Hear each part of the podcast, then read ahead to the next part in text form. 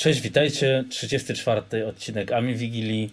E, tym razem powiedzmy może mniej amigowo, ale mocno e, retro. E, no co ja to będę mówił? Przedstawię się sam gość, więc przekazuję od razu głos gościowi. Cześć, tutaj Borg, retrogralnie. No, witam serdecznie wszystkich słuchaczy. Super. E, generalnie e, Retrogralnia myślę, że jest chyba z jednym z najpopularniejszych kanałów e, no powiedzmy branży, nazwijmy to retro.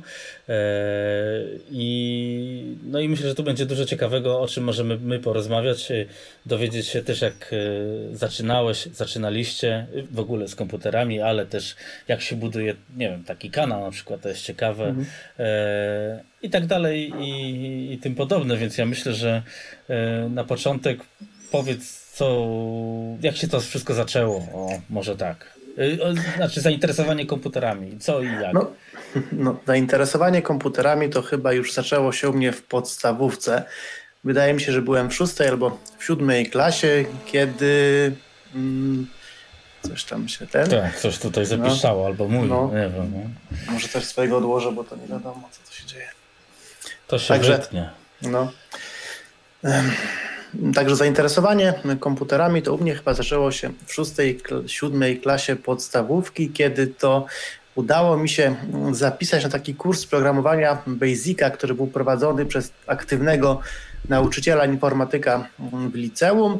Tam poszedłem, to był kurs, który trwał kilka tygodni i tam można było sobie zacząć programować na Timexach, i na Commodore 64 i po prostu tam poznałem, co to jest programowanie, poznałem, co to jest Basic i jak gdyby od tego momentu już wiedziałem, że chcę mieć komputer, że chcę na niego pisać programy, tylko jeszcze nie mogłem decydować, czy chcę e, Timexa, czy chcę Commodorka, no ale ponieważ wszyscy moi koledzy, wszyscy Oczywiście mówiąc wszyscy, mam na, mam na myśli tutaj pięć osób może w klasie miało mm. komputery, mieli komodorki, no to wybór padł na Commodore 64 i ten komputer mi się udało wyprosić u rodziców.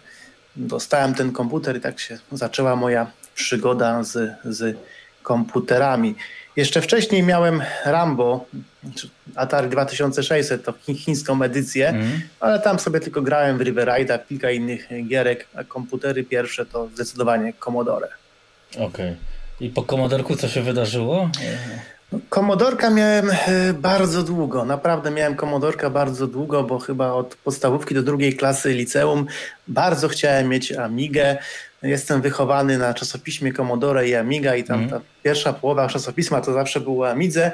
Na początku czytałem tą drugą o swoim kochanym Commodorku, a potem czytałem o tych kurczę super maszynach, które chciałbym naprawdę bardzo mieć. To się tak czytało i tylko człowiekowi ślinka leciała.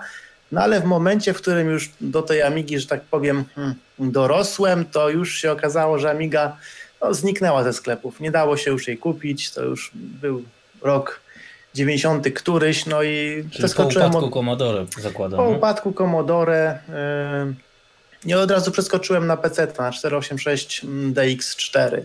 No to Jeszcze ładnie, bez... to, to wtedy no, było takie gruba maszyna, no. To, to był taki moment, kiedy już pojawiały się pierwsze niby Pentiumy 60, ale jeszcze mm. 486 DX4 to był taki komputer, że mogłem pokazywać kolegom w klasie, patrzcie jak tutaj kurde to szybko chodzi. Oni wtedy jeszcze mieli 286 czy 86, ale z drugiej strony ja przeskakiwałem z komodorka, także wcześniej miałem się gorzej, a w tym momencie miałem się, miałem się lepiej. Mm, no to ładnie. No to, czyli jeszcze Windows 13 y, cię zahaczył, tak? Tak, Windows 13 for Workgroups. Y, miałem o dziwo oryginalnego DOSa i Windowsa. Y, one przychodziły, przychodziły z takimi ogromnymi, grubymi książkami po polsku i po angielsku i w związku z tym po prostu je przeczytałem od deski do deski. No, uwielbiałem DOSa, uwielbiałem, uwielbiałem Windowsa 3.11. No, długo się nie mogłem później przesiąść na 95, bo 13 to był taki mój ukochany system, prawdę mówiąc. O, to, no to ciekawe, bo ja jako stary amigowiec to ta 3.11 to mnie powalała negatywnie, a 9.5 no to pamiętam, to już była rewolucja, to już yy, to był taki no, przełom konkretny. No, ja miałem takie wrażenie na początku, że 95 to był taki przerost formy nad treścią. Ona była taka kurde no, kolorowa, za dużo, za dużo kolorów, jak dla mnie w pewnym momencie, za dużo ikonek. czy jednastka mi się podobała. No, właściwie bardzo długo się starałem jeszcze z, z, nią, z nią zostać. Nawet sobie zainstalowałem takie rozszerzenie 32-bitowe. Mhm. Pamiętam, można było dzięki temu uruchomić kilka programów jeszcze 65 na 11. Między innymi to był edytor map do Warcrafta 1, jak mnie pamięć nie myli. Jakieś click and play, tego typu mm, zabawki. Zainstalowałem 95. Y, od kolegi pożyczyłem dyskietki 35 sztuk, zainstalowałem. Tak mi się nie spodobała, że odinstalowałem, a wtedy się jeszcze dało dziwo odinstalować 95, ale w pewnym momencie no, przeskoczyłem już, ale tak chyba bardziej na 98. Mhm, no to, to też, też to, to pamiętam, to były takie czasy. 98 e, się długo trzymał, bo, bo później wyszło milenium i to było no, jak soku milenium, no, można powiedzieć negatywnie akurat, ale no dobrze, czyli później rozumiem, że właśnie e, i zawodowo i tak dalej no, związało się z pecetami, no bo... No z pecetami, no inny, innej opcji za bardzo już, już w tym momencie no, nie było. Miałem tam jeszcze spotkanie z Makami w liceum, bo mieliśmy Macintosha Classica, a później Macintosha LC2 mm, na informatyce. Były takie epizody. Tak, tak. No ale tam się nauczyłem głównie pisania na klawiaturze, obsługi Excela i tego typu rzeczy. W sumie przydatna wiedza, mogę powiedzieć, ale no, te komputery raczej tylko służyły do takich zajęć z typografii, a nie do prawdziwego, mm. prawdziwej nauki informatyki. No, ja zapamiętam u mnie w liceum, to my się uczyliśmy taga. No to, to już w ogóle było prehistoria. To już wtedy była powoli prehistoria, więc... E, dobra, no to powiedz wobec tego, co się stało, że powiedzmy ze ścieżki tej mm, normalnej i nowoczesnej i no, trochę zboczyłeś, jakby nie patrzeć teraz. No.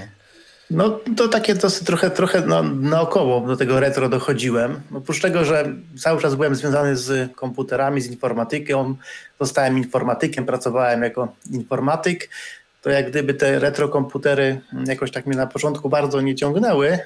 Miałem oczywiście gdzieś tam szafie Komodorka, miałem te swoje Atari Rambo, ale po prostu sobie tam było, leżało, ale zająłem się swoją drugą, że tak powiem, działalnością, zająłem się fantastyką.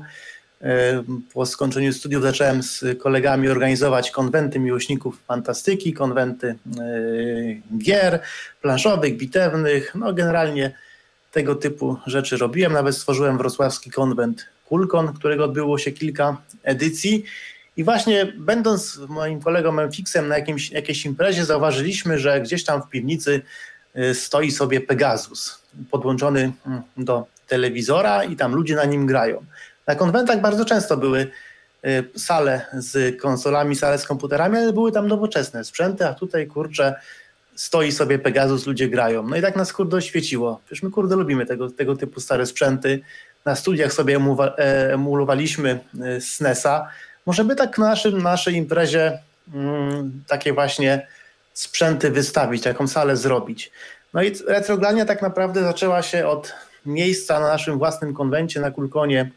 Cztery miejsca po prostu do grania na retro, y, w retro sprzęty. Mhm. Ale zanim ten konwent y, wziął do skutku, zaczęliśmy się, że tak powiem, zanim ten konwent się y, odbył, to myśmy zaczęli odkupywać swoje stare sprzęty, wyciągać te swoje sprzęty z piwnicy, kupować nowe i tak naprawdę chcieliśmy przetestować, czy, to, czy taka, taka retrogralnia, takie miejsce ma sens w ogóle. No i zaczęliśmy na początku z nią jeździć po prostu po konwentach. Zanim jeszcze zrobiliśmy ją u siebie, zrobiliśmy ją na kilku imprezach we Wrocławiu, potem zrobiliśmy ją u siebie. Na początku to były trzy sprzęty, pięć sprzętów, dziesięć sprzętów. Potem się w pewnym momencie okazało, że jeździmy co drugi tydzień w różne zakątki y, Polski z całym samochodem pełnym retro sprzętów i po prostu wystawiamy się gdzie popadnie. I tak to kurde wyszło, że w pewnym momencie okazało się, że zrobiliśmy jakieś 50 imprez e, w ciągu kilku lat. 50 takich retrogalni gdzieś tam się odbyło. A przy okazji zaczęliśmy też nagrywać po prostu e, na kanale to, co robimy, reklamować tą swoją inicjatywę. I tak powoli ta inicjatywa internetowa jak gdyby zaczęła się rozwijać. No i tak powstał kanał Retrogralni na początku powolutku, pomalutku. A powiedz, w którym roku to powstało? Bo to kanał już jest taki znany i opasły, to bym by, powiedział. To był, to był rok 2011. Początek roku 2011. Tak naprawdę za e, kilka miesięcy będziemy mieli dziesięciolecie działalności. Ale przez te pierwsze lata, kiedy po prostu jeździliśmy po tych imprezach, na tym kanale się pojawiało może tam kilka mm, filmików mm, na rok, raz na miesiąc coś nagraliśmy. Potem jak przestaliśmy trochę jeździć, bo jednak człowiek no, się już, że tak powiem, trochę zmęczył tym jeżdżeniem, to zaczęliśmy więcej e, nagrywać. No ja kilka lat temu postanowiłem, że po prostu będę starał się tak chłopakami zarządzać i samemu nagrywać, żeby przynajmniej raz w tygodniu jakiś film był. Już od kilku lat e, raz w tygodniu jest na kanale film po prostu mm. wrzucany. Poniedziałek jest stream, tak? Jak dobrze E, no, od, od, od chyba dwóch lat zacząłem też e, streamować w poniedziałki. Przedtem te streamy się tam od czasu do czasu zdarzały, ale w pewnym momencie uznałem, że fajnie też sobie trochę tak posiedzieć. E, ponieważ i tak gram, te, gram na tych komputerach, to kurczę, mogę połączyć przyjemne z pożytecznym i po prostu grać na streamie.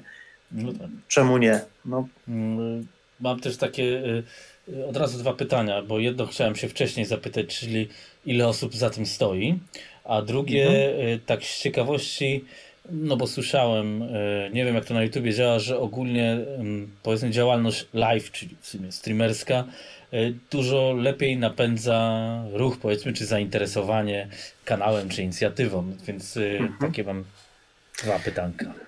No, za retrogralnią mm, stoją w tym momencie, no, trochę osób stoi, ale generalnie można powiedzieć, że taki trzon retrogralni to jest y, MFX Michał Lisiecki, Artur Sonda-Ciemięga, Wojtek Frabi-Frabiński, no i ja, czyli y, Borg. Y, retrogralnie tworzyliśmy na początku z Michałem z MFX-em, a potem spotkaliśmy się z Arturem i Wojtkiem na, mm, na jakiejś imprezie retro, chyba na dawnych komputerach i grach we Wrocławiu, też na Pixelu. Zaczęliśmy wspólnie wystawiać po prostu rzeczy na tych, na tych imprezach, no i połączyliśmy w pewnym momencie już parę ładnych lat temu, już naprawdę parę ładnych lat temu połączyliśmy po prostu siły i razem, i razem to wszystko, to wszystko ciągniemy. Każdy ma swojego konika. Moim ulubionym moim konikiem jest internet. Artur to jest bardziej człowiek, który lubi wystawy robić, stąd później powstało nasze muzeum. No ale tak razem, razem działamy, ale też mamy dużo przyjaciół, takich członków retrogralni, yy, którzy po prostu od czasu do czasu się u nas pojawiają albo nam mhm. pomagali przez, w imprezach przez te wszystkie lata. Okej, okay, a ta dru te drugie pytanie właśnie o te streamy. Jakie ty masz, y, masz no, hmm. wieloletnie, można powiedzieć, doświadczenie. Jakie ty masz wrażenia z tego streamowania? No bo zakładam, znaczy no. ja też zacząłem robić live'y, y, tylko że w formie podcastu i to jest fajna, fajna interakcja, nie? Streamy to jest zupełnie coś innego niż, niż robienie takich normalnych filmów co sobotę mm, na, e, na kanał, na, na YouTube'a. No streamy mogę powiedzieć, że wytwarzają zupełnie jak gdyby drugą, taką, takie drugie środowisko, mm, tak jak gdyby, jak to ładnie powiedzieć, no po prostu tworzy się taka społeczność wokół streamu, Wokół filmów też, też taka też, też się tworzy, a jednak streamy są bardziej na żywo, są bardziej interaktywne i one rzeczywiście są, e, można powiedzieć, bardziej intensywne relacje się na nich, na nich ujawniają. No i muszę powiedzieć, że rzeczywiście odkąd e, prowadzę e, live'y, to jak gdyby jest większe zainteresowanie samą retrogralnią. Tak mi się, tak mi się przynajmniej wydaje. Mhm, okay. no, ja tak jak właśnie mówiłem, że wy jesteście chyba e, jeden z popularniejszych lub najpopularniejszym kanałem, bo jak dobrze kojarzę, to tam macie chyba 17 tysięcy subskrypcji hmm. i niektóre firmy też są no, o tysięcznych zasięgach, co no, po, po moim działalności, no to jednak hmm. zupełnie jest co innego i, i mało przynajmniej tak ja widzę w Polsce tak tak grubo jest. Znaczy, generalnie temat retro to jest mimo wszystko temat bardzo, ale to bardzo, bardzo niszowy. Nam się udaje um, oglądalność teraz utrzymać, jeśli chodzi o filmy, to średnio 2-3 tysiące wyświetleń. Jak jest jakiś film bardziej popularny, co po prostu podejdzie ludziom, to jest tych wyświetleń może maksymalnie kilkanaście tysięcy. Co prawda mamy takie wirale po prostu po 100, po 100 tysięcy, ale to są wyjątkowe przypadki, jak na przykład konsola z Lidla albo podłączanie taki filmik o podłączaniu kabelków do, do nowych telewizorów ze starych e, konsol też jakoś tak lepiej się e, przyjmuje, ale generalnie nawet jak sobie tak oglądam te kanały zagraniczne, to jest kilka wyjątków, rzeczywiście kanałów, które są bardzo popularne, ale taki dobry kanał retro zagraniczny też nie ma oglądalności większej niż może 20 tysięcy mm. na filmik. Po prostu tego no jest po prostu nie jest tak dużo fanów retro na świecie, nawet, tak, można tak, tak. powiedzieć. No tam jeden chyba z lepszych to jest Retro Man Cave, jak dobrze kojarzę, to jest taki z rozmachem zrobiony. I to, mm. Ale to tam też faktycznie to nie są poziomy, nie wiem, cudzysłowie powiem Freeza, gdzie tam bańkę uzyskuje. Tak, tak, tylko tak, dlatego. tak. Więc, e, a powiedz mi, jeśli możesz powiedzieć, e, jak wy to spinacie no finansowo też, czy macie jakieś dotacje, czy, czy, czy jak to się dzieje i, i czasowo, no bo z tego co słyszę, to tu kupa czasu. Roboty, kupa roboty. No nie, żadnych, e, żadnych dotacji nie mamy, żadnego takiego finansowania zewnętrznego nie mamy.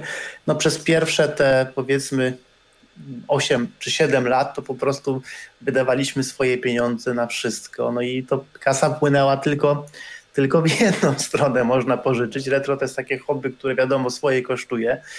No ale jak każde hobby, no to no tak. tutaj chyba nie ma, nie ma tutaj chyba wyjątku. Każde hobby, jak się człowiek nim zajmie na poważnie, to potrafi zjeść każdą ilość e, pieniędzy. W momencie, w którym pojawiło się e, muzeum, to zorganizowaliśmy pomysł na zrobienie muzeum, to zorganizowaliśmy małą zbiórkę, która tam zebrała trochę pieniążków, ale to i tak jest parę procent tego, co żeśmy zainwestowali ze swoich własnych oszczędności po prostu w ten, w ten projekt. No i teraz mamy nadzieję, że za kilka, kilkanaście lat to się nam jakoś zwróci, wyjdziemy i wyjdziemy na zero. No ale jak to w przypadku każdego hobby, no na tym to się no, kasa płynie w jedną stronę, no, z naszej mm -hmm. kieszeni do na zewnątrz. No niestety, rozumiem, ale a, a czasowo, no bo rozumiem, skoro kasa o. płynie w jedną stronę, to trzeba pracować jeszcze. No wszyscy, wszyscy mamy, a czasami zawsze mnie to, czasami bawi mnie to momentami, bo bardzo często ludzie uważają, że my po prostu sobie siedzimy w tym muzeum, gramy na retrokomputerach i żyjemy po prostu pełną, pełnią szczęścia, ale nie, no my mamy normalne roboty, pracujemy od poniedziałku do piątku 8 godzin dziennie albo więcej w normalnych pracach, a retrem zajmujemy się tym wszystkim po prostu popołudniami i, i weekendami. No, kiedy robiliśmy muzeum, to tak naprawdę e, przez kilka lat, no nie mieliśmy, przez kilka, przesadzam może przez kilka, ale przez dwa lata po prostu nie mieliśmy żadnego wolnego weekendu. Wszystkie nasze urlopy zostały przeznaczone na zrobienie remontu. No, było naprawdę ciężki, mega ciężki okres e, w naszym życiu. No teraz już jak gdyby jest, jest spokój, możemy się cieszyć tym, co zrobiliśmy. Ale no wiadomo, no trzeba jakoś ten czas wolny rozłożyć pomiędzy pracę, rodzinę i retro. No i jakoś to się, jakoś to się rozkłada. No. Ale dalej co drugi tydzień każdy z nas ma jeden dzień przeznaczony na siedzenie w muzeum, plus zawsze wieczorem w tygodniu też tam się znajdujemy i coś tam e, robimy. No. Mhm. Ja jeszcze, ja mam taki powiedzmy tydzień bardzo już mocno rozpisany. W poniedziałek sobie live'uję, później w około środy nagrywam e, filmik, w czwartek go składam, a w sobotę co drugą jestem w muzeum. No i tak to się po prostu toczy. No. Aha, okej, okay, spoko. E, właśnie do tego muzeum też byśmy myślę, że zaraz przeszli, a powiedz właśnie mi, bo wasze filmiki są no, zdecydowanie dopracowane, to się powiedzmy ogląda no, jak kanał telewizyjny, nazwijmy to tak. Eee, ile to czasu zajmuje ci, bo wiesz, robienie podcastu hmm. też zajmuje czas, ale generalnie ja już doszedłem do takiej wprawy, że przycinam początek, koniec, chyba, że tutaj nam by spadł samolot, no to trzeba by wyciąć ten środek i, hmm. i tyle, wiesz, y, i to jest dużo mniej y, pracy, hmm. a tutaj y, poskładanie grafiki, oprawy, no to jest no, no jest trochę czasu, mi się wydaje, że nad każdym filmem spędzam mniej więcej 8 godzin, czyli dwa, dwa wieczory. Jest, jest, tej roboty, jest tej roboty dużo, naprawdę, a momentami się człowiekowi jednak wydaje, że łatwiej po prostu zrobić sobie live'a, który się robi no, praktycznie na żywca, a mniej więcej jest, podobny, jest, jest podobny odzew. Ale ja po prostu lubię te firmy, filmy robić, no i one są poza tym takie trochę bym powiedział yy, nie uciekają, tak? Live to jest jednak live, to jest chwila, moment, to potem znika, a te filmy, które są nagrane, to można zawsze sobie obejrzeć, one są takie trochę ponadczasowe. No tak. Yy, można sobie po prostu zawsze do nich, do nich wrócić i, No i staram się tam po prostu, staramy się tam przekazywać jakąś wiedzę, coś tam pokazać, jak to się robi, trochę edukacji wrzucić, no wszystkiego po trochu po prostu. Okej. Okay. To jeszcze takie jedno pytanie do, nie wiem, montażu, czy jakiś warsztat, nazwijmy to software'owy. Y, byś polecił coś specyficznego, czy jakby ktoś chciał zacząć po prostu? Czy, czy ma szukać jakichś darmowych programów, czy od razu jakieś Adobe Premiere i to różni no, ludzie mają? Ja, ja, ja składam już od wielu lat w Adobe Premiere, po prostu się przyzwyczaiłem, ale narzędzi jest cała masa i tak naprawdę to wybór narzędzi, na programu, jaki się używa, to po prostu wybór taki, że się człowiek siada, pierwszy program, który uruchomi, z tym mhm. zostaje zazwyczaj, bo one wszystkie mają podobne mm, możliwości, tylko są trochę od siebie różne jeśli, różne, jeśli chodzi o interfejs. Jak się człowiek do czegoś jednego przyzwyczai, to trudno się, trudno się przesiąść, ale no, no wszystkie są równe, równie, e, równie mniej więcej dobre.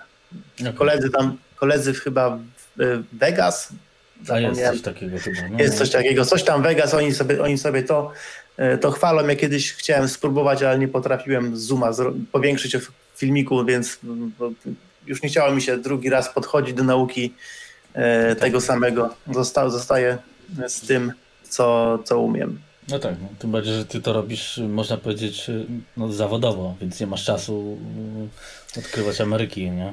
Tak, tak. No, tak naprawdę no, w tym momencie już no, czas na naukę czegoś nowego to też jest czas, też czas, który trzeba poświęcić i czasami po prostu no, no, trzeba robić tak, trzeba, trzeba te wszystkie rzeczy robić e, e, efektywnie. To znaczy czasami trzeba po prostu pozwolić sobie na jakieś niedoróbki, ale żeby ten film jednak był co sobotę.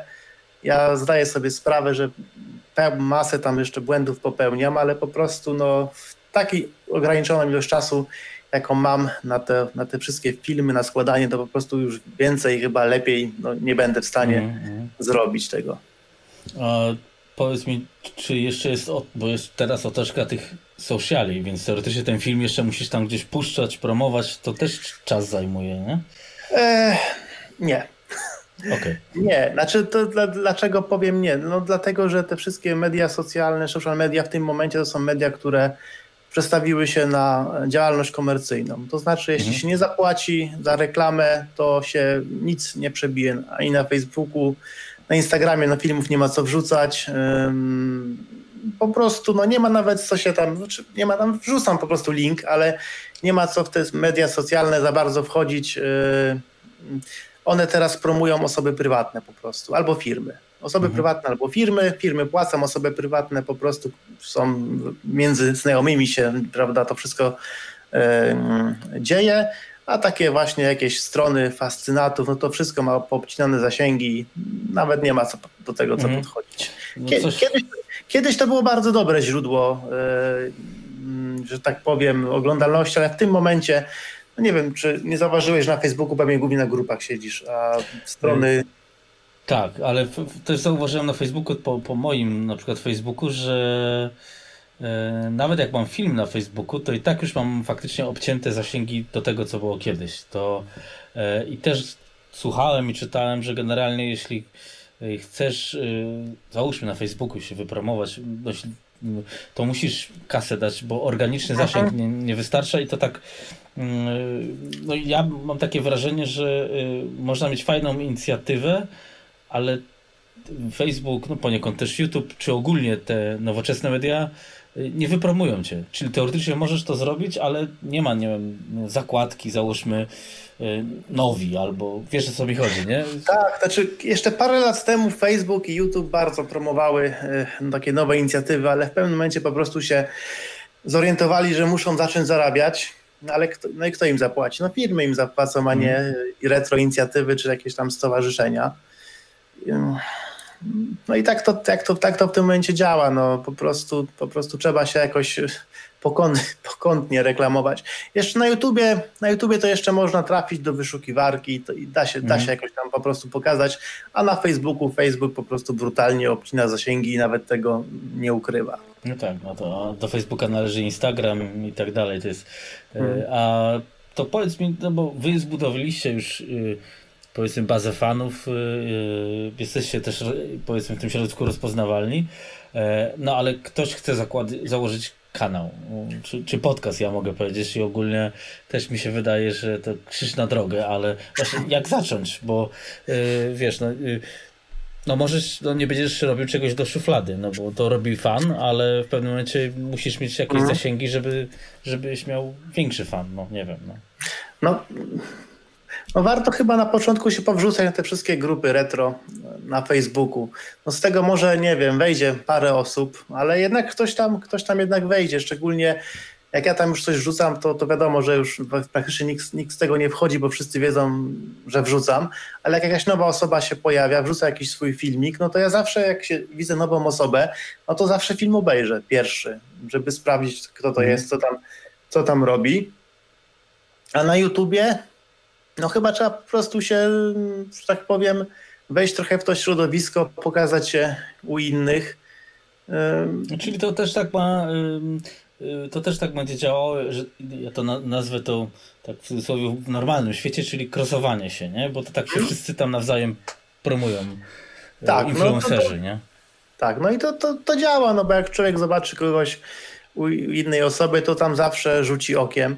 Tylko po prostu warto, mm, warto się, że tak powiem, krosować czy pokazywać, jak już się ma jakiś taki sensowny materiał, mhm chyba najgorsze są takie właśnie przypadki, kiedy ktoś wrzuca wszędzie reklamę czy reklamę. Pokazuje się, mówi, patrzcie, przyjdźcie, zobaczcie, co tutaj fajnego zrobiłem, a no nie, nie jest to jakoś super, nie jest to jakoś super fajne, no wtedy się można, no wtedy osoba, która wchodzi, może się po prostu zrazić i już nigdy, nigdy nie wrócić, no tak. więc to... to tak. No to ale co ciekawe informacja ja tak teraz tu mądrze mówię, jak sobie przy, przypomnę, jakie są te pierwsze filmy retrogralni, no to się dziwię, że to w ogóle jakoś chwyciło, bo Ale to, to wiesz, też było... Każdy tak zaczyna, no bo no, w prawie się e, dostaje e, z z wiekiem też, ale z długością działalności, o tak bym to ujął. Mhm. E, więc, e, no ale teraz chwyciło, więc e, na szczęście nie zaczynasz od zera, ale mm, też chciałbym się zapytać, jak to się zaczęło z tym muzeum? Dlaczego, po co? No bo to jest ciekawe, kiedy można przyjechać, odwiedzić i, i tak dalej, nie? No, z muzeum to była taka historia, że jak już zebraliśmy się w cztery osoby i zaczęliśmy mm, jeździć na imprezy, powiedziałbym, bardziej branżowe. Mhm. Wystawiać po prostu się na imprezach branżowych, na dawne komputery i, gry. Na, byliśmy kilka razy w muzeum w Katowicach na nocy muzeum. Zaczęliśmy robić swoje własne duże wystawy, takie naprawdę duże wystawy, na przykład na 50 komputerów.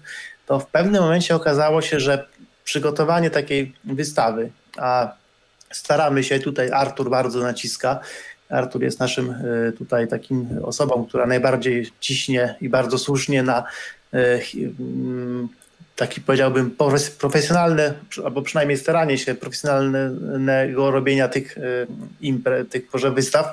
Artur jest z wykształcenia archeologiem, bardzo lubi kontekst historyczny i tutaj to mhm. wszystko naciska, żeby to było tak, jak powinno.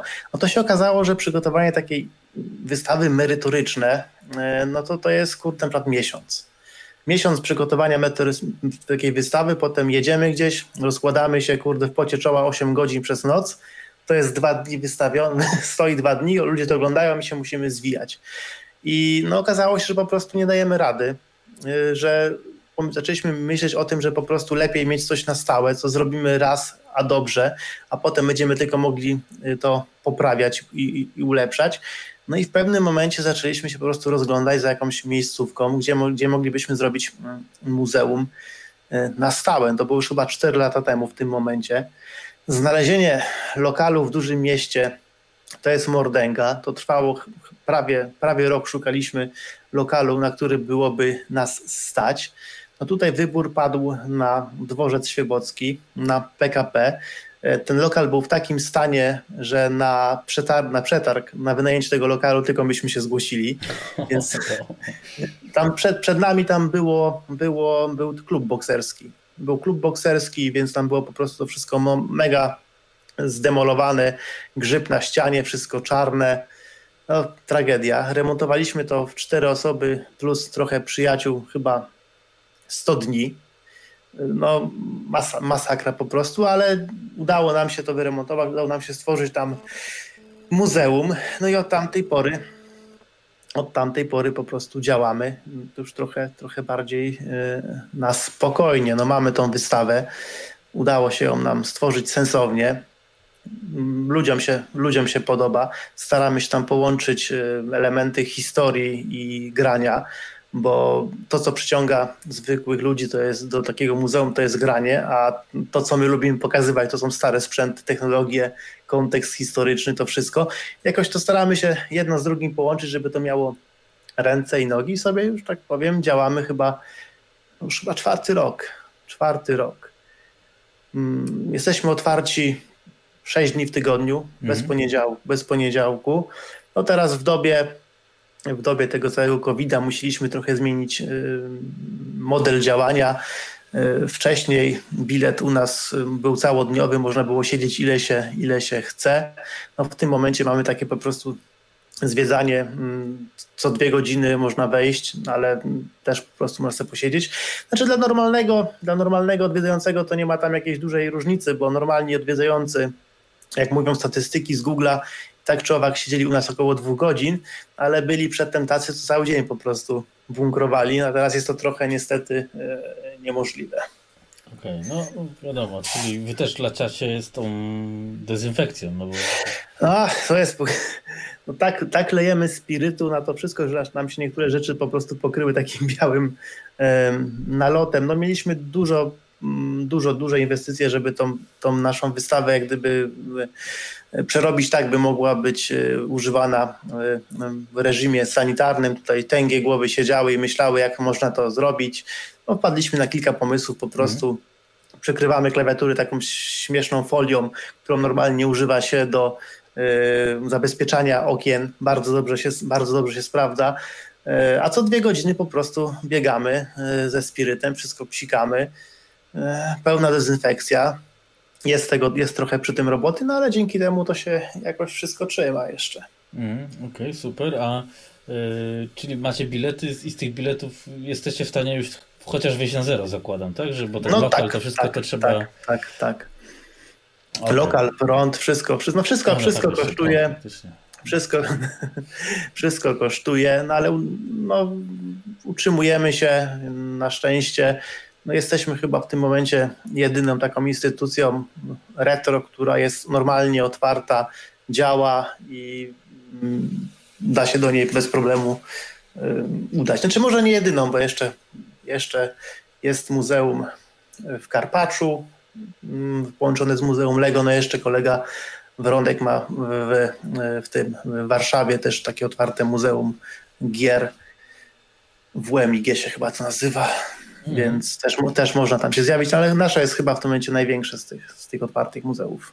Okej. Okay. a powiedz mi, wy tam w normalnych czasach jakieś ekstra imprezy, eventy robicie, czy, czy coś takiego jest jakiś tam...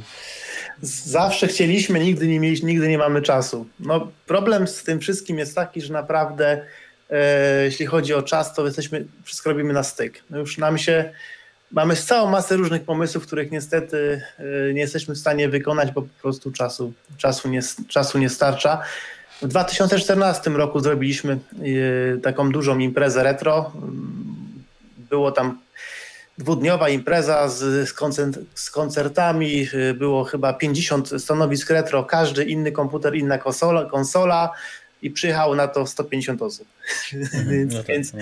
nie, było to, nie, było, nie była to zbyt udana nie była to zbyt udana impreza, e, więc teraz po prostu się okopaliśmy w muzeum i pozwalamy sobie na to, by ludzie po prostu do nas przyjeżdżali, a, a nie odwrotnie. No to, to jest nawet ciekawy pomysł, fajny.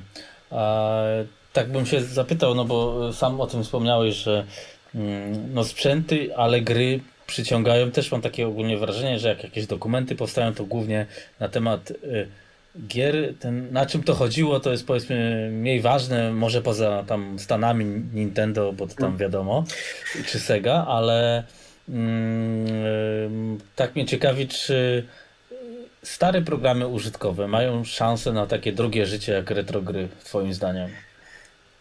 Tutaj trzeba by się zapytać kolegę Frabiego, Wojtka, który ostatnio właśnie mm, zaczął robić serię filmów na temat starych programów użytkowych na Commodore 64 pokazał Geosa, i okazało się, że był to po prostu hit, jeden z bardziej oglądanych filmików.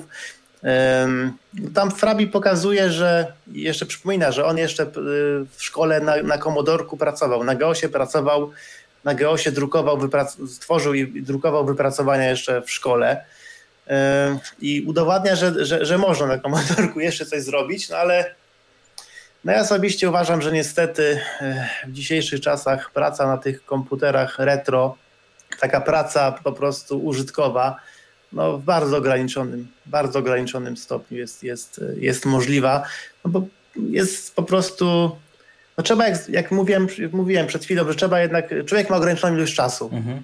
i niestety nie starcza na to, by, by ten retrokomputer yy, yy, używać do takich, do takich rzeczy, bo tak trzeba później z tego retrokomputera e, tą, tą, tą swoją pracę przenieść na, zwykły, na zwykłego peceta, żeby gdzieś ją, gdzieś ją dalej wysłać i tak trzeba to jakoś później przetworzyć, coś z tym zrobić. Ktoś nam odpowie, to myślelibyśmy to z powrotem na, na nasz stary sprzęt prze, prze tego przenosić.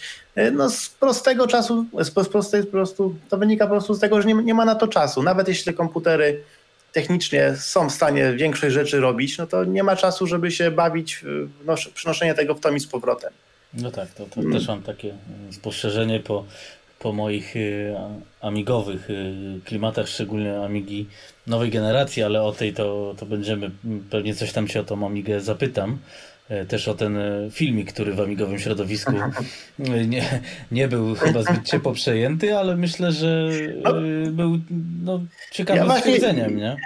Ja właśnie myślę, że on tam był w większości przypadków bardzo dobrze, dobrze przyjęty. To pojedyncze osoby po prostu. No tak, te pojedyncze robią najwięcej hałasu, tak. to fakt.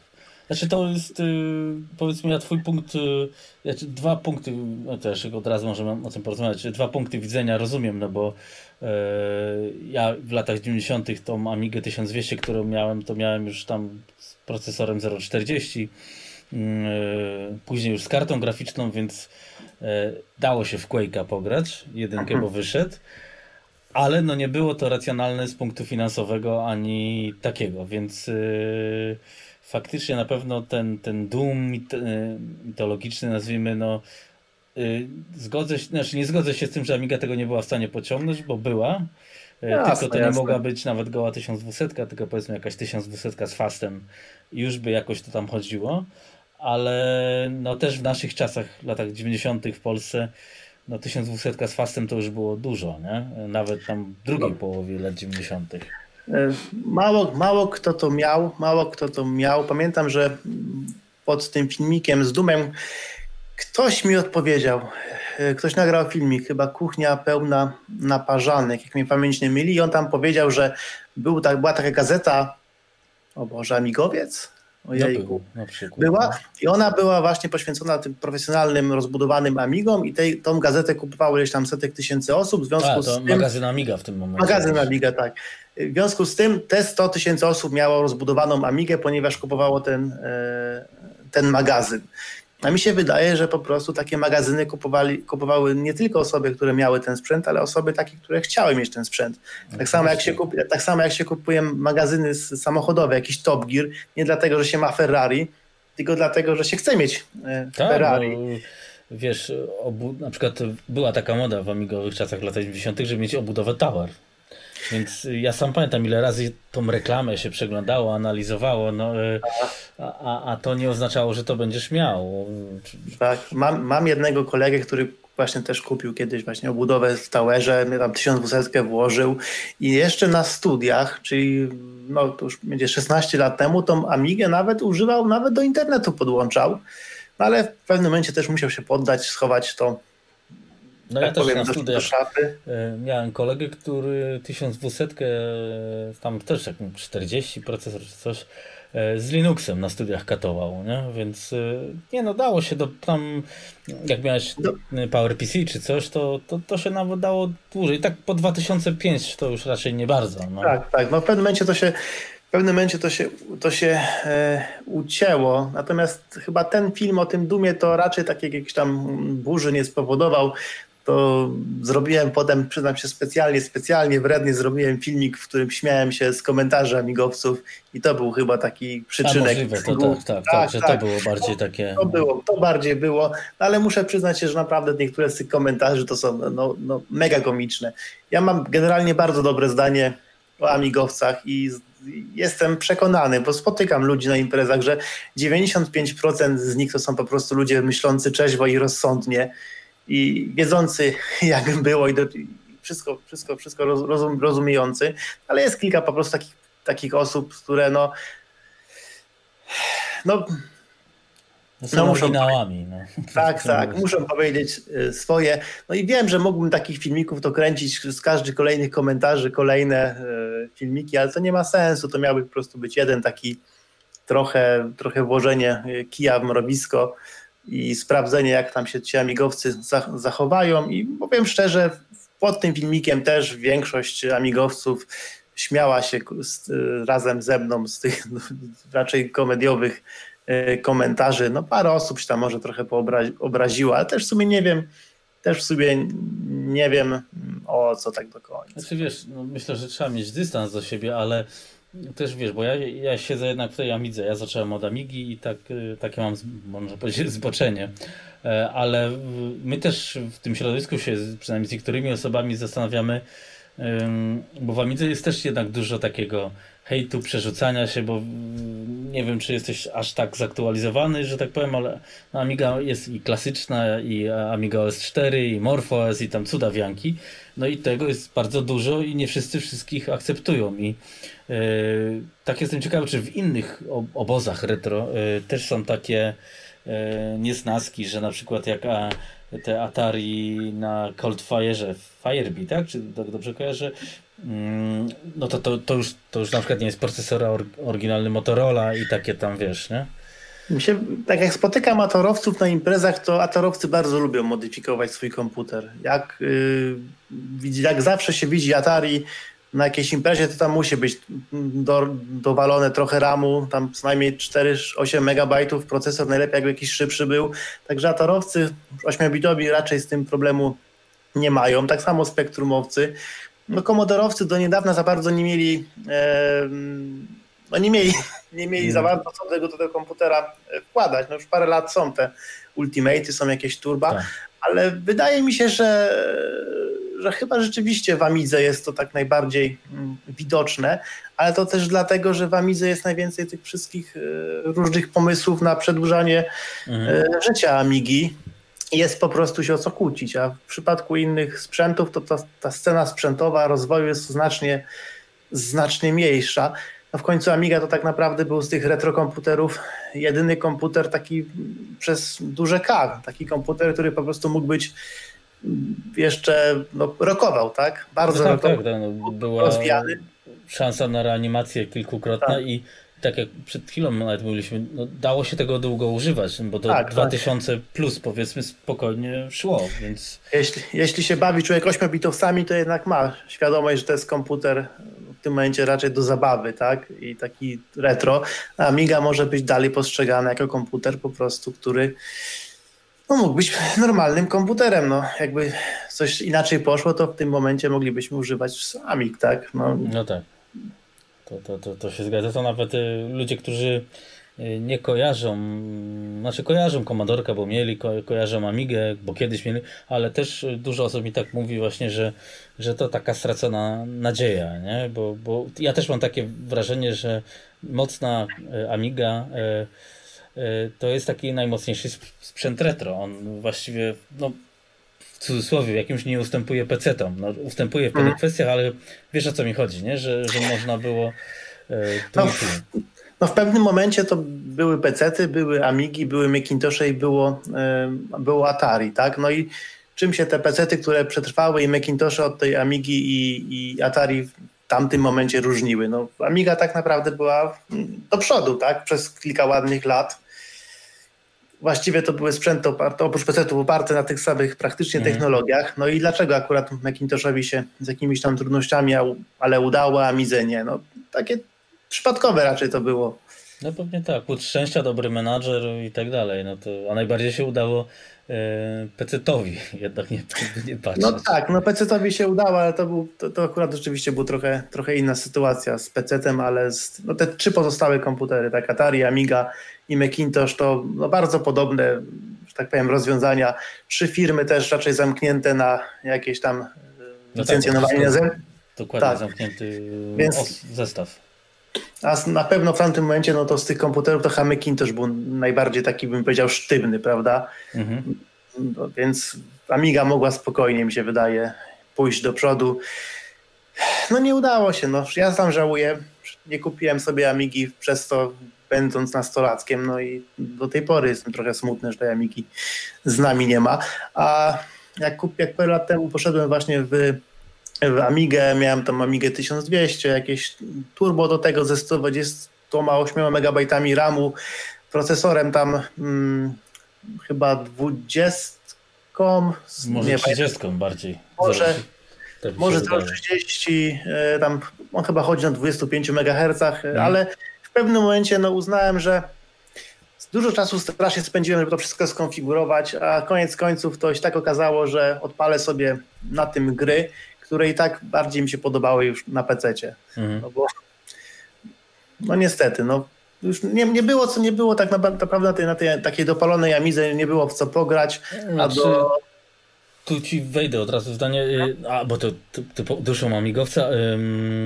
Teoretycznie, znaczy tak i nie, bo y, ta końcówka tej takiej rozbudowanej Amigi lat powiedzmy drugich 90 to nawet ten Quake wyszedł, czy Napalm, e, polski Exodus, no było parę takich e, grubych tytułów, które wymagały no, już takich konkretnych konfiguracji, więc ale fakt, że to było na PC, prawie no, na, na Palmu nie było na przykład. Nie? No, ale...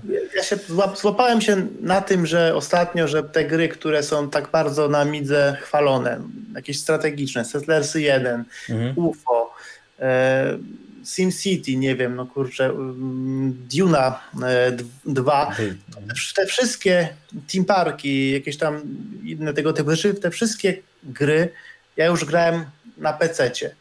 No, tak. no i teraz, i teraz, kiedy odpalam je na Amidze, no to po prostu wydaje mi się, że to są czasami, no nie, nie zawsze, czasami po prostu są gorsze wersje gier, które grałem już na PC. Tak, no bo były często obcięte, gęsto, obcięte, były, no. obcięte musiały być obcięte, no bo żeby to na przykład na Go'i 1200 chodziło i z automatu to, to było cięte. Bardzo popularne było, żeby na Amigę 500 obciąć. No bo Team no. Park chyba też był na Amigę 1200, on zupełnie inaczej wygląda niż na 500, nie? Jeszcze Settlersy 1 naprawdę są w porządku. Mm, Amigowa wersja jest chyba identyczna jak PC-towa. Tam chyba rozdzielczość ma, nie ma tej wyższej rozdzielczości, ale jest świetna muzyka, ale już no dwójki nie było, tak? No nie, nie, nie. Pod Macintoshem dużo amigowców grało w dwójkę, bo nasza tak, tak, emulacja tak, to, to legendarne. Emulowanie Macintosha na Amidze, żeby odpalić. No, tylko no, że to, wiesz co, to dużo ratowało, y, bo ty to właśnie, to, to, to była taka ala wirtualizacja, byś to teraz powiedział, bo tak, tak, bo te, te, te same komponenty używałeś no. praktycznie, więc to super działało. No ale to było takie, były takie absurdy, nawet chyba właśnie w magazynie Amiga, że odpalałeś Amigę, odpalałeś y, Macintosha, odpalałeś na tym Windowsa, nie? Na emulatorze tam Soft PC to chyba było, bo to szybciej chodziło niż na przykład na Amidze PC Task. No ale to tam już y, detale. Słuchaj, a mm, właśnie może o tych y, retro PC, bo ja w tym mocno nie siedzę, ale mi się wydaje, że ten, a ty podejrzewam, że, że tak, że ten rynek y, mm, rośnie, na przykład takiego 486, czy może jakiegoś e, Pentiuma. E, no, czy, czy się mylę, czy nie, to jestem ciekawy i jak tutaj wygląda też cenowo sytuacja, jakby ktoś się chciał poskładać, bo Amigi są absurdalnie drogie na przykład. Nie? No, ja, ja, muszę powiedzieć, że jeszcze do niedawna, bardzo do niedawna nie uważałem 486 za retrokomputer. No bo to był komputer, który dostałem po Commodorku i to był już komputer współczesny. I tak naprawdę od 486 do teraz za bardzo tych swoich nawet PC-ów nie pamiętam. No to to mi się wzlewa w jedno przez mm. jeden taki wielki PC, ale rzeczywiście jak ostatnio zacząłem grać w te gry, które grałem wtedy, no to mi się jakaś taka nostalgia już włączyła. Już mi się to jakaś nostalgia włączyła, te gry jeszcze mają rzeczywiście jakiś taki swój specyficzny e, urok. Te wszystkie właśnie strategie, strategie z tamtych czasów, dumy. Quake już, Quake już nie za bardzo, już za bardzo jest 3D. Dla mnie to, że mhm. gdyby mi się w tym momencie zlewa, e, mi się generalnie ta era gier 3D zlewa już po prostu w jedną, w jedną całość, trudno mi to no coś, powiedzieć. Coś, no ale rozumiem, no bo to się tak wszystko na jed... teraz e, ogólnie wszystko musi być w 3D. Właściwie nie tak. ma gier nie 3D. No i po prostu no, to, mi się, to mi się zlewa, ale jeszcze te 486, jak sobie ostatnio właśnie złożyłem, z jakichś części, które dostaliśmy do muzeum, zostały nam podarowane, no to rzeczywiście jest, jest tam pewna mm, nostalgia. Cenowo to wygląda chyba nieźle. Tam słyszałem, że jakieś karty graficzne Voodoo czy coś, to trochę kosztują, ale chyba z dalej to jest y, dużo, y, dużo mniej niż, niż ten, y, niż Amiga. Poza tym tych PC-ów no jednak takie miliony wyprodukowano, że można znaleźć takiego PC-ta naprawdę na przysłowiowym śmietniku. I to właściwie kosztuje, to właściwie kosztuje groszem. To ludzie przez tyle lat uważali za elektrozłom, że to można praktycznie, praktycznie znaleźć yy, wszędzie. Jeszcze może te takie komputery 286 czy 86 czy 86 to, to są trudniej dostępne, ale te później trochę późniejsze już te Pentiumy 200, Pentiumy 2, 3, no to po prostu no, za 200 zł, 300 zł można sobie coś tam, coś, coś tam znaleźć, ale z drugiej strony ja już mam taką granicę, że jak już miałbym sobie składać retro PC, który byłby lepszy niż 486, to już bym sobie po prostu wolił odpalić na zwykłym PC na grę na DOSBoxie. -hmm, bo, mm -hmm. bo to w sumie tak naprawdę dla mnie to, to jest ciągle ten sam petet. No, od pewnego momentu no, po prostu. Rozumiem jest, o co ci chodzi. no, bo, no. to jest ta sama architektura to się. Tak. Y, tak, bo Amiga, Commodore czy coś to były komputery nawet z wyglądu charakterystyczne, a tu jak był Tower, tak jest Tower. No. no niczym, niczym, niczym to się absolutnie nie różni. No, ta sama klawiatura, ta sama mysz, monitory mniej więcej te same, no teraz mamy LCD-ki, mhm. ale to tam niewielka różnica. Więc po prostu uważam, że to jest. Rozumiem ludzi, którzy po prostu sobie składają swojego pierwszego peceta, jaki mieli. Bo najczęściej to po prostu tak jest, że osoba, która miała kiedyś jakiegoś peceta, tego swojego pierwszego, to ten komputer pamięta i taki chciałaby mieć znowu. Tak samo jak ja bym chciał mieć znowu to swoje 486 DX4, no ale potem nie wiem, czy to po prostu jest gra warta świeczki, mm. jak mhm. można odpalić sobie w DOSBoxie tak samo grę, albo nawet jeszcze cała masa gier Windowsowych do tej pory po prostu chodzi pod Windowsem, no nie ma najmniejszego problemu. No tak. E, naturalne wobec tego jest pytanie, e, co sądzisz o emulacji, jak już to z wspomniałeś. E, rozumiem, że na PC ta emulować to jest ok, a emulować Commodorka, czy coś takiego jest? No ja, ja, z emulacją to żyję odkąd pamiętam. No jeszcze nie wiem, 20 lat temu emulowałem już na, na, na studiach sobie Super Nintendo, bo mhm. wtedy to chyba była, była jedyna możliwość, żeby w ogóle na SNESa w Polsce cokolwiek e, no, tak może zagrać. No, nie, nie, było, nie było tego w ogóle. E, jeszcze, nie no po prostu emulatory dla mnie to jest normalne, normalne narzędzie. Nie widzę żadnego problemu, żeby emulować stare komputery na PC-tach. Niedawno odkryłem, że tak naprawdę ogromnym game changerem jest podłączenie po prostu starego joysticka do PC-ta poprzez jakiś tam interfejs USB na DB9 i w momencie, w którym się podłączy do emulatora, czy tam Commodorka, Atari, Spectruma joystick, to po prostu 90 kilka procent e, tego retrofeelingu się jak gdyby w, człowiek, w człowieku włącza i to mm, jest, jest to takie samo, jakby się grało kiedyś.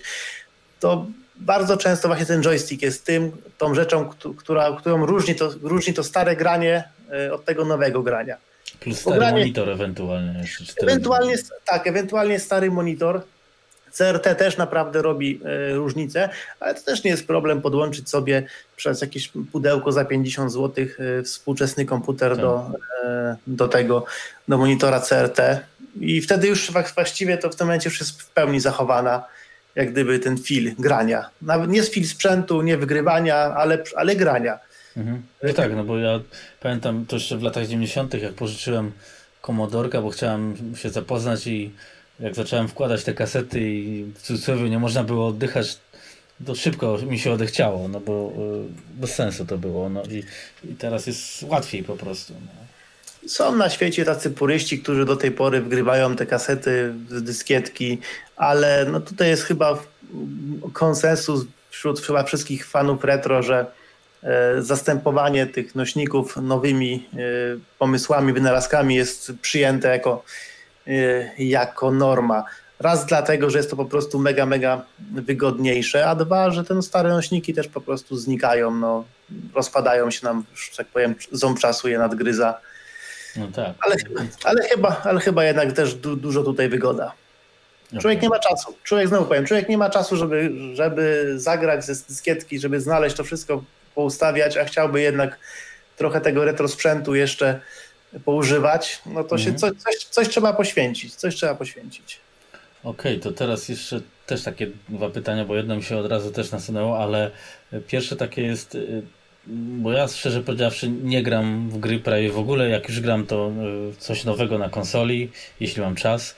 Y, Zelda Breath of the Wild przychodzę już 3 lata, bo nie mam kiedy. Ciekawe, czy zdążę przejść. E, ale to inna kwestia. Ale co jest w tych starych grach, bo ja próbowałem, mam tak ulubione gry, które są tylko odpalę, popatrzę, tam rozegram partyjkę, ale są ludzie, którzy no, chcą tą grę jeszcze raz przejść po raz, załóżmy, setny. Y, ja trochę tego nie rozumiem. Jestem ciekawy, y, jak to, jak to można by ewentualnie wytłumaczyć. I drugie, poniekąd powiązane pytanie, jak dzieciaki reagują na te retro gry, retro sprzęty, nie? Ja, ja się przyznam, że ja jestem graczem jednak chyba bardziej e, casualowym. Ja jednak mhm. zawsze, zawsze byłem blisko sprzętu, programowania, techniki i to mnie interesowało w tych sprzętach głównie, ale oczywiście też grałem. I są takie gry, nawet jeszcze z Atari 2600, które do tej pory jak włączę, to po prostu lubię w nie grać. I wiem, że jak się uruchomi zwykłemu człowiekowi Atari 2600, to 95% osób po prostu zostanie odrzuconych poprzez tą totalną archaiczność y, no. tego sprzętu. Natomiast ja mam kilka takich gier, które po prostu są według mnie ponadczasowe. Jakiś River Ride, przy, tak. którym, się, którym się wychowałem. E, Keystone Capers, czy Keystone Capers, kurde, nie wiem jak to się dokładnie mówi. W każdym razie ten, ten policjant, co goni złodzieja mm. na tarynce. I to są gry, które po prostu są grami, e, raz grami, które są obiektywnie ok, jeśli nawet nie są perełkami gamingu, to są po prostu obiektywnie ok, że da się w nie zagrać teraz, bo są takie gry, które, retro, których po prostu w tym momencie się nie da. Nie da się grać. No są tak archaiczne, że się nie da grać. Mhm. A te są w miarę ok, a po drugie są gry mojej młodości. Do tej pory zdarza mi się raz na rok przejść w Fallouta jedynkę, Fallouta dwójkę, bo to są gry mojej młodości. W Transport Tycoona gram no, całe życie i pewnie będę całe życie jeszcze, jeszcze grał. Samo mhm. cywilizację drugą. To są gry, które po prostu się w człowieku jakby kiedyś tam wyryły y, w głowie, zapisały się w pamięci, się po prostu w nie, się po prostu w nie gra. Tylko to muszą być po prostu gry y, dobre. Nie podoba mi się to, jak y, część ludzi mówi, że kiedyś gry były dobre, a teraz gry są złe. I to mhm. jest takie stwierdzenie, które jest totalnie nieprawdziwe, bo tak samo jak y, teraz, tak samo kiedyś 90% gier to był straszny krab.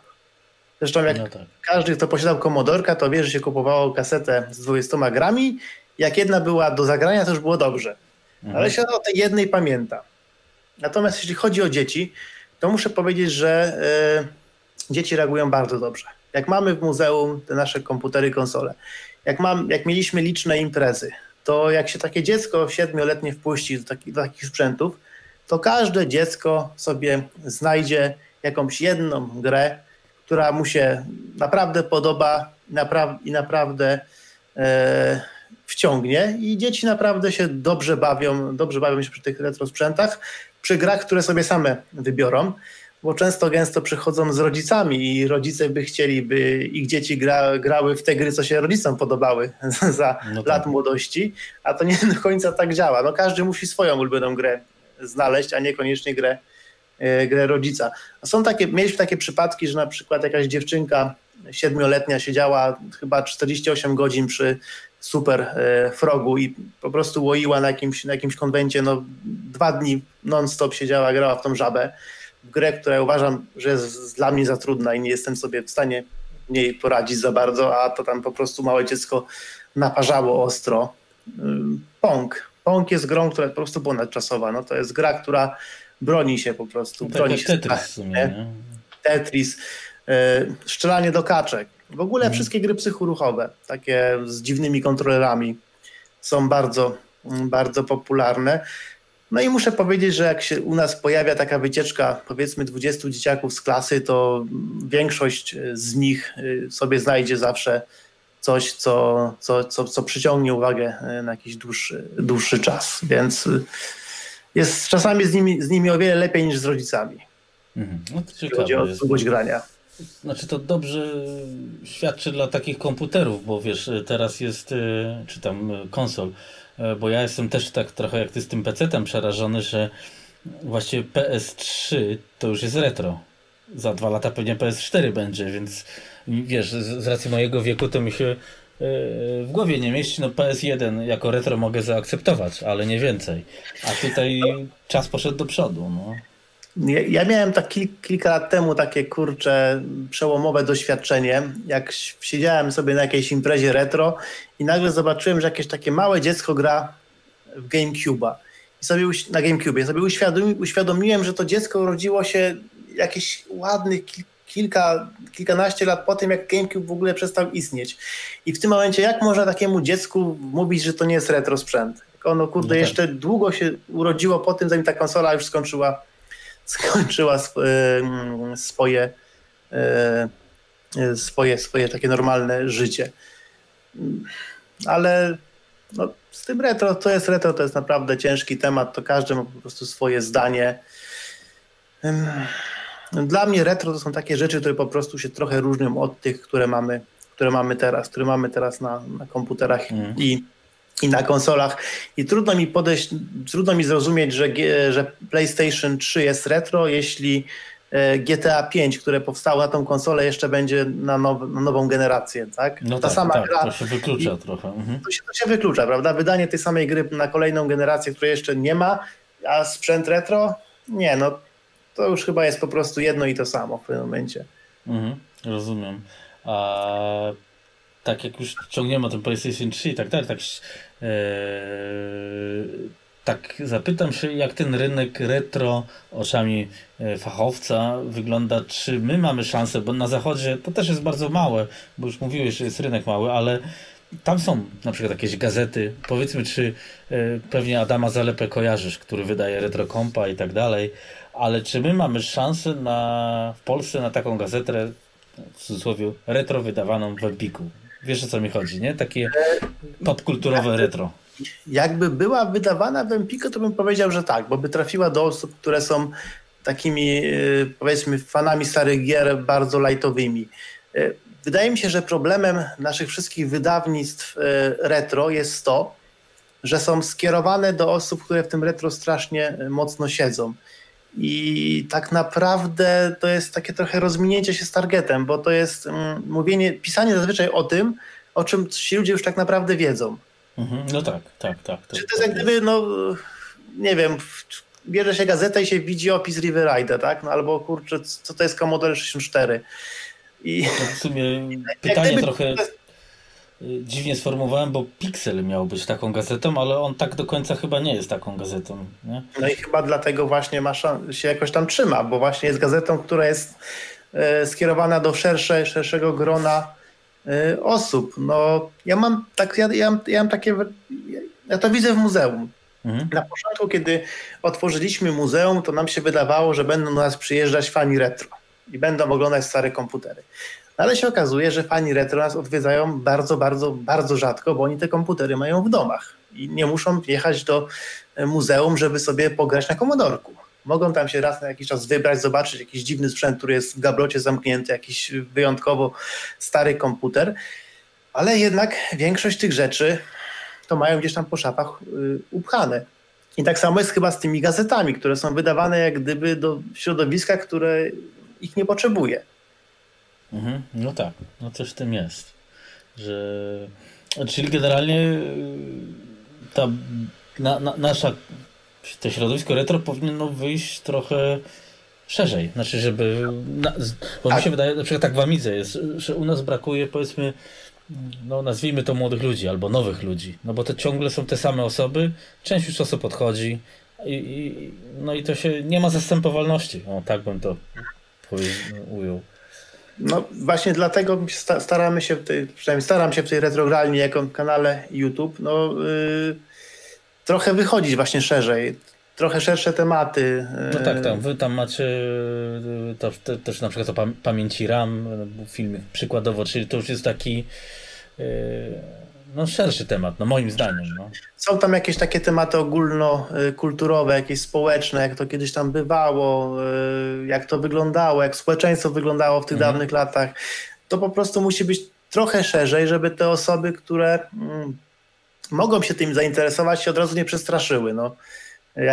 Wejdą, zobaczą jakiś hardkorowy temat, to po prostu mogą się, no mogą, tak, tak, to mogą, ostatnim... mogą, mogą się y, odbić. I Oczywiście to też ma swoje minusy. Minusy są takie, że bardzo często się w komentarzach czyta komentarze mądrych ludzi, którzy tam, prawda, mówią, ja y, nie wiem, jak, jak, jak, jak, jakkolwiek bym film nie nagrał, to zawsze czytam, że no, mogło się jeszcze powiedzieć o tym, o tym i o no tym, tak, prawda? I o tym, i o tym, i o tym. No, no mówię, no pewnie bym mógł, ale wtedy bym musiał cały, całą swoją wiedzę w jeden filmik włożyć. To jest przecież, to jest przecież nie, nie ten, nie, nie do wykonania ale wracając do tych gazet, po prostu mi się wydaje, że one by musiały być trochę szerzej mm, dystrybuowane. Kiedyś y, z takich gazet to w sumie kupowałem tylko angielskiego Retro Gamera. Mhm. I też przestałem y, po roku y, subskrypcji, bo po prostu uznałem, że oni piszą też o tym, co ja już, co ja już zazwyczaj wiem. No tak, no i dla gazet jest ten problem, że to wszystko i tak jest w sumie w internecie poniekąd, można powiedzieć. Też, też, też. Ale zdarzyło mi się od czasu do czasu kupić Pixela, bo tam też są jakieś takie właśnie artykuły, takie trochę naokoło, tak? Takie trochę nie do końca o grach. Yy, można tam jakieś ciekawe felietony poczytać.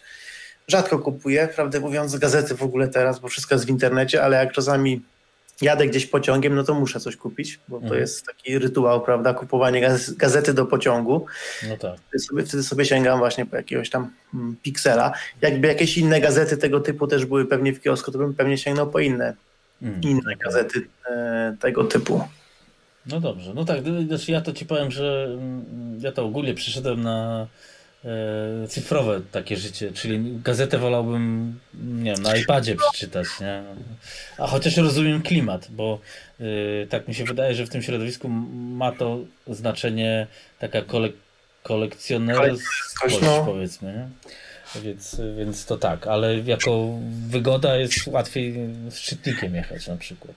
No. Tak, to prawda, ale po prostu no, my ludzie wiekowi mamy już swoje rytuały. Ja po prostu, no jak już kupuję gazety, to wolę raczej e, papierową wersję. E, chociaż zdarza, zdarza mi się ostatnio coraz częściej kupować gazety takie jakieś właśnie retro cyfrowo, no bo to w sumie szybciej człowiek dostanie. To też ważne. No tak, to jest. Nie trzeba czekać, a to też jest ważne w dzisiejszych czasach. Człowiek jednak chciałby od razu wszystko to, co, to, co yy, kupi, a nie czekać. No tak, no bo tak jak mówiłeś, czasu jest nie za dużo na, na wszystko, więc yy, dobra, więc generalnie myślę, że poruszyliśmy dużo tematów i chyba nawet yy, może by dalej, ale może na spokojnie, ale mimo wszystko yy, też chciałbym się zapytać, bo to jest standardowe pytanie w amigowym podcaście. Zawsze się pytam, jaką amigę byś polecił, ale tu się zapytam, jaki komputer retro na początek byś yy, polecił. Tak ogólnie, ktoś chce wejść, załóżmy, pobawił się emulatorami tego, wam tego, nie ma zdania. Albo czy macie takich ludzi, którzy przychodzą, od czego zacząć się pytają? O. Są, zdarzają się, zdarzają się. Znaczy osobiście bym polecił 8-bitowy y, Atari. 8-bitowe Atari, jakieś Atari 65XE, do tego z, z tym, e, z siotu SD, czyli tam ichniejszym emulatorem e, stacji dyskietek, magnetofonu i wszystkiego tak właściwie mhm. naraz. I to jest taki zestaw, który naprawdę umożliwi uruchomienie ogromnej biblioteki gier 8-bitowych, bo to, co było na Atari, to zazwyczaj też no, było też na innych platformach, ale na Atari też wychodziło, także to jest prosty komputer i ten emulator jest tani, y, stacji dyskietek i magnetofonu. Nawet kiedyś zrobiłem taki filmik, że jest to najlepszy, najlepszy komputer 8-bitowy mm, na początek. No bo tak mi się wydaje, że 8-bitowa dalej. Hmm. Mhm. Okay. A Migę to bym polecił 600 z gotekiem, tak mi się wydaje. No jest w plecach się mieści. No. Tak, jest, jest bardzo dobra, jeśli chodzi dla współczesnego odbiorcy, bo jest kompaktowa. E, znowu Gotek to jest rozwiązanie, które jest na tyle proste w obsłudze, że sobie każdy poradzi tam dyskietki e, przełączać. Już po włożeniu według mnie do Amigi dysku twardego to się zamienia już w porządny komputer, o który trzeba dbać. Mhm. I można sobie coś popsuć, a w Amidze z Gotekiem zawsze po restarcie wszystko wraca do, do no, normy. tak, no chociaż tam, że to paradoks 600 jest taki, że to był jeden z gorszych komputerów za czasów Commodore, a teraz y, ma drugą tak. młodość, tym bardziej, że tam wyszły karty Vampire hmm. i, i, i, to dużo osób. Ja sam kupiłem, nie było łatwo kupić, to, e, więc to, to, to jest e, tak, ale. widzenia początkującego to ma same plusy. No, ma, nie potrzebuje zewnętrznego modulatora. Można go rozszerzyć łatwo o jakiś tam dysk no kartę, tak. kartę udającą dysk. No, można coś tam podłączyć do niego w łatwy sposób. No, jest kompaktowy. No, po prostu komputer retro na, na dzisiejsze czasy. Taki najlepszy. Komputer retro XXI wieku, można powiedzieć. No. Tak. A, tak. Słuchaj, a jak już tak y, zahaczyłbym trochę o tą, bo wspomniałeś o tej nowej generacji konsol, y, czy ogólnie o obecnych konsolach nowej generacji, mm, bo myślę, że też możesz mieć swoje zdanie z takich jakbym miał sobie kupić nową konsolę, ale chciałbym po, pograć sobie w jakieś tam odświeżone e, gry czy, czy retro gry, co ty byś polecił? Bo mi się wydaje, że to powinien być Switch. No tak, tak, tak. Jest taka teoria, że Switch już był retro jak wyszedł. To jest. No, tak, tak. To jest ale, to jest, ale to jest tak chyba generalnie z konsolami Nintendo, że one, mimo że wychodzą cały czas i są współczesne, to mają jakiś taki feeling taki trochę inny niż te wszystkie pozostałe po prostu. I ten feeling to jest ten feeling właśnie takiego trochę, trochę yy, retro. No Switch tak, zdecydowanie Switch, bo to jest w tym momencie mekka wszystkich gier indie, mhm. wszystkich gier z grafiką nawiązującą do grafiki z, powiedzmy z 8-16 16 bit. Zagra się też tam na tych wszystkich grach trochę e, starszych, ale, ale współczesnych się, da, się, da się pograć. Yy, no jeszcze jak się kupi yy, ten ichniejszy online'owy abonament za kilka złotych. No to tam grosze kosztuje, tam 80 tak. zł chyba. No to tam dostaje się od razu jeszcze jakiś zestaw gier na NES-a i SNES-a. Tak, mhm. tak. Więc no to... jeszcze Switcha nie kupiłem, bo nie mam kiedy grać, ale przymierzam się. Ale no, no nie wiem, chyba jako no. na półkę. Jedynym problemem Switcha jest wysoka cena y, gier, relatywnie no wysoka do tak. mocy tej konsoli, ale nauczyłem się właśnie tutaj od kolegi Frabiego y, pewnego triku. Należy tylko kupować gry, które są przecenione. I w tym momencie można trafić na gry, które są przecenione ze powiedzmy 100 kilkudziesięciu złotych do 5 złotych. Jak, się tak, jak, się, jak, się tak posortuje, jak się tak posortuje tam w tym sklepie listę, y, listę gier, to po prostu można sobie codziennie kupić za 5 zyla jakąś gierkę i naprawdę grać, grać, grać, grać, grać i grać. Mhm. I świetne no. gierki tam są. No to fajnie, to fajnie. No tak, no bo jeszcze można, żeby ściąć te koszty, to zawsze można Little kupić i, no i będzie bez telewizora, ale, ale taniej w ręku ja właśnie swojego Switcha chyba w życiu do telewizora y, nie podłączyłem. No, wiem, że są osoby, które tą konsolę traktują jako stacjonarną, ale według mnie no, to jest takie trochę dziwne podejście. Jednak no, zresztą sam ten wypuszczenie tej wersji Little pokazuje, że większość ludzi w tą konsolę gra po prostu jako mm. konsolę e, przenośną. Można sobie gdzieś tam usiąść wieczorem w łóżku, i trochę pograć, szybciutko sobie włączyć, pograć, odłożyć, y, tak. bez, znaczy, wy... przygotowania, tak? Y, mi się wydaje, że to właśnie Nintendo świetnie wy, wyczuło, bo y, no, ja też nie mam czasu, znaczy nie mam czasu, nie, no nie włączę, albo nie wyłączę komuś serialu, bo teraz tera Xbox, nie?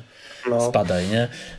I, I Nintendo to świetnie wyczuło. Oczywiście tam inni próbują tam te streamingi na, na, na ten, ale Tutaj to faktycznie e, no jest najwygodniejsze. No. Mhm. To jest no, no, no, świetna, świetna sprawa. Ta konsola u mnie w domu jest. z braku czasu, jak wszystko oczywiście jest nieużywana tak, jak jakby mogła być używana, ale można po prostu po nią sięgnąć i nic więcej nie potrzeba. A żeby komputer włączyć, to trzeba komputer włączyć.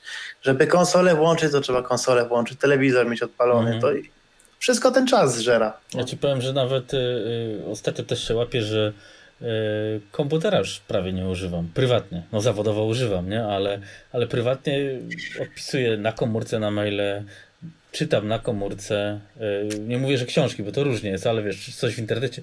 No dużo rzeczy, czy nawet coś idzie napisać na, na komórce. Ja mam, ja mam dokładnie to samo przemyślenie, ponieważ komputer używam w pracy 8 godzin dziennie. No, w domu już tak za bardzo nie czuję absolutnie żadnej potrzeby, żeby przed nim usiąść. Jeśli gram, to gram albo na retro, albo na konsoli, yy, bo szybciej, bo łatwiej. Także dla mnie ten komputer do, w domu tak praktycznie mógłby no, praktycznie nie istnieć. No. Używam go do streamowania laptopa. Znaczy no tak, no bo tak, ty, ty się bawisz w to, ja ale, się bawię w podcasty. To, to, to, to, tak, ale no, no komputer stał się tak naprawdę w tym momencie narzędziem pracy większości ludzi. Mhm. Tak, bo kiedyś nie, nie mieliśmy nie, wyjścia, nie? I, tak. i dlatego też pewnie taka jakaś y, więź się nawiązała. No ja tutaj z tym Amigą, ty powiedzmy z tym PC-tem, a wcześniej z Commodorkiem a teraz pewnie y, to nowe pokolenie nie będzie miało więzi z komputerem, no z komórką. To, ale to no chyba jeszcze, każdy ma więź. Tak, no. tak, no jeszcze może z konsolami rzeczywiście. No ale PC-towi to tak. Ja z tą konsolą to ja się zastanawiam, czy to już naprawdę mówili już przy obecnej generacji, że to jest ostatnia generacja, ale ja mam wrażenie, że to już jest ostatnia generacja konsol. Tak mi się wydaje. Mi się właśnie wydaje, że to na dwoje babka wróżyło. Bo jeśli chodzi o konsolę Sony, to, no, to, oni się trzymają tego modelu, którego się trzymali przez ostatnie tam 20 lat. Mhm. A natomiast Microsoft poszedł po prostu przebłysk geniuszu, ten Game Pass, tak. te gry, gry w abonamencie i w tym momencie ich konsola za 1300 zł, czyli kurczę, jak lepszy, trochę lepszy telefon, tak? Albo za abonament za stówkę, nie? Albo, albo abonament za stówkę ta konsola nagle staje się e, urządzeniem, które może pozwalać na granie w setki gier za 100 mhm. zł miesięcznie. Tak. To jest. To, to, e, to... Mi się wydaje, że Xbox e, odebrał lekcję od Nintendo chyba i oni mhm. chyba na celownik postawili sobie Nintendo, bo tu będzie wojna, a Sony chyba przespało moment, tak mi się wydaje. Za dobrze im szło i, no i dużo, często się, no, świętej pamięci Commodore przyspało moment z Amigą. Tak. No. Oni coś trochę, trochę zostali po prostu w tym modelu, który mieli od, nie wiem, PlayStation no, no jeden właściwie no tak naprawdę. Tak, no. a, a tutaj no, no Microsoft po prostu według mnie no, no, no, tutaj może, może rozbić bank, w szczególności, że jakie, jakie są alternatywy do grania? Można albo kupić PC, tylko PC do grania teraz kosztuje tyle, co samochód dobry. Mm nie wiem, 6-8 tysięcy. No kto wyda 6-8 tysięcy, żeby dziecku kupić komputer do mhm. grania? No przecież to jest jakiś, jakiś absurd. PlayStation 4, spoko, 5, spoko, kupi się PlayStation 5, 2,5 tysiąca złotych, potem jedna gra w 400 będzie kosztować. Tak, tak, tak. No, no będzie i... ta wersja tańsza, ale gra będzie tyle samo kosztowała, tak. 400 no, no tak, jest wersja tańsza, tam prawda, ta, nie wiem, 1900, ale gierka jeszcze 400 jeszcze nie tak. będzie miała napędu, więc nie będzie można kupić starszej gierki. Tak, tak. Używanej, to, albo po prostu lepiej, z przeceny. To ja biorę dwa lata abonamentu w tym momencie tak, i tak. wydam. W tym momencie można wziąć abonament. 2400, nie? I konsola jest moja po dwóch latach. Tak. No jeszcze Microsoft wykupił y, te studia, które się kojarzą z graniem na PC-tach. No tak, Bethesda poszła. Bethesda poszła. No po prostu i, i Fallout, ikona gier na, na PC. To, to, to, w czym PC, PC i konsole Microsoftu były mocne, czyli RPG, takie zachodnie i zachodnie gry nagle pojawiają się, nagle pojawiają się y, w abonamencie. Tak, i to coś ci działa jeszcze na PC, bo ten Game Pass.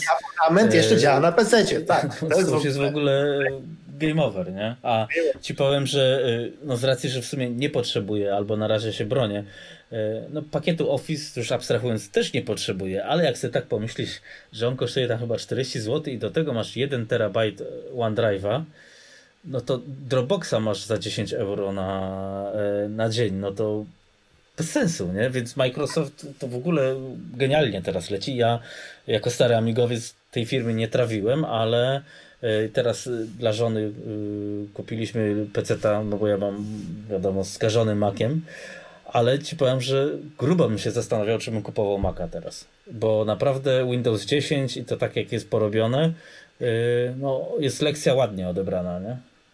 No oni się, w pewnym momencie się Microsoft no, przebudził się. Przebudził się w pewnym momencie.